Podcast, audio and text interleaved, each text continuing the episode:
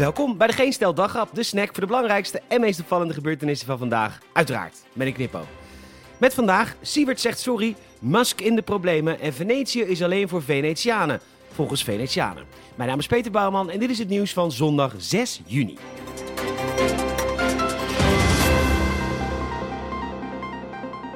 Helaas mochten er geen grote schermen op de pleinen voor de uitzending van Buitenhof vandaag. Toen Siewert publiekelijk door het stof ging voor zijn verkregen miljoenen in de door de staat gefaciliteerde mondkapjesdeal. Zegt hij sorry? Zegt hij sorry? Zegt hij? Ja, ja, valide, valide, valide, valide, hij doet het, hij doet het.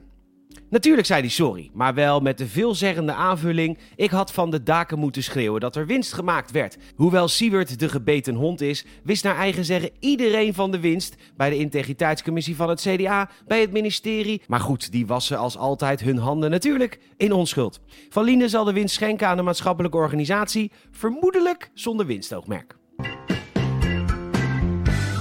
Ken je ze nog? De puisterige mannetjes van Anonymous, een grote hackersorganisatie die het leven van veel mensen al best zuur hebben gemaakt.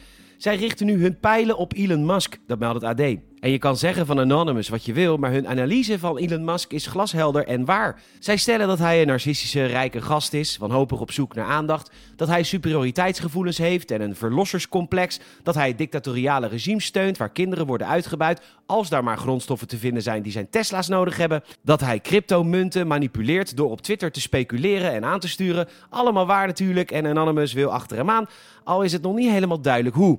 En Musk speelt spelletjes die echte mensenlevens raken en daarom... Met Peter. Hi, Mr. Musk. Yes, yes, of course. Yeah, yeah. Yeah, I'm doing great. Yeah, yeah. Yeah, yeah absolutely, absolutely.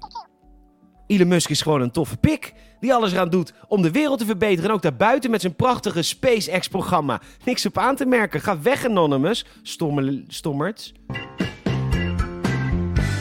De Geen Stijl wordt mede mogelijk gemaakt door Tesla. Autorijden voor een betere wereld.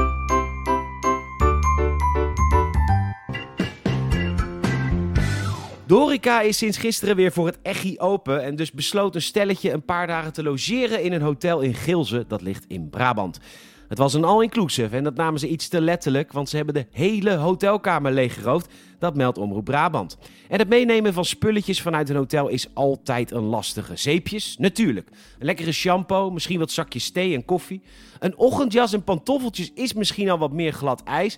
Maar dit stel nam het wat serieuzer. Want ze probeerden onder meer de koelkast, de douchekop en een TL-balk mee te nemen. Wie hangt er nou een TL-balk thuis op? Maar goed. Normaliter is dit asociaal, maar met het net opstarten van de horeca is het natuurlijk helemaal van de ratten besnuffeld. Gelukkig werd het stel betrapt door een beveiliger en ze blijven voorlopig vastzitten in de cel. Ook een soort hotel, maar dan zonder minibar. Voor sommige mensen in sommige plaatsen van de wereld was de coronapandemie een absolute zegen. Zo ook in Venetië, waar toeristen al jarenlang gehaat en verguisd worden omdat de inwoners hun openluchtmuseum graag voor zichzelf houden.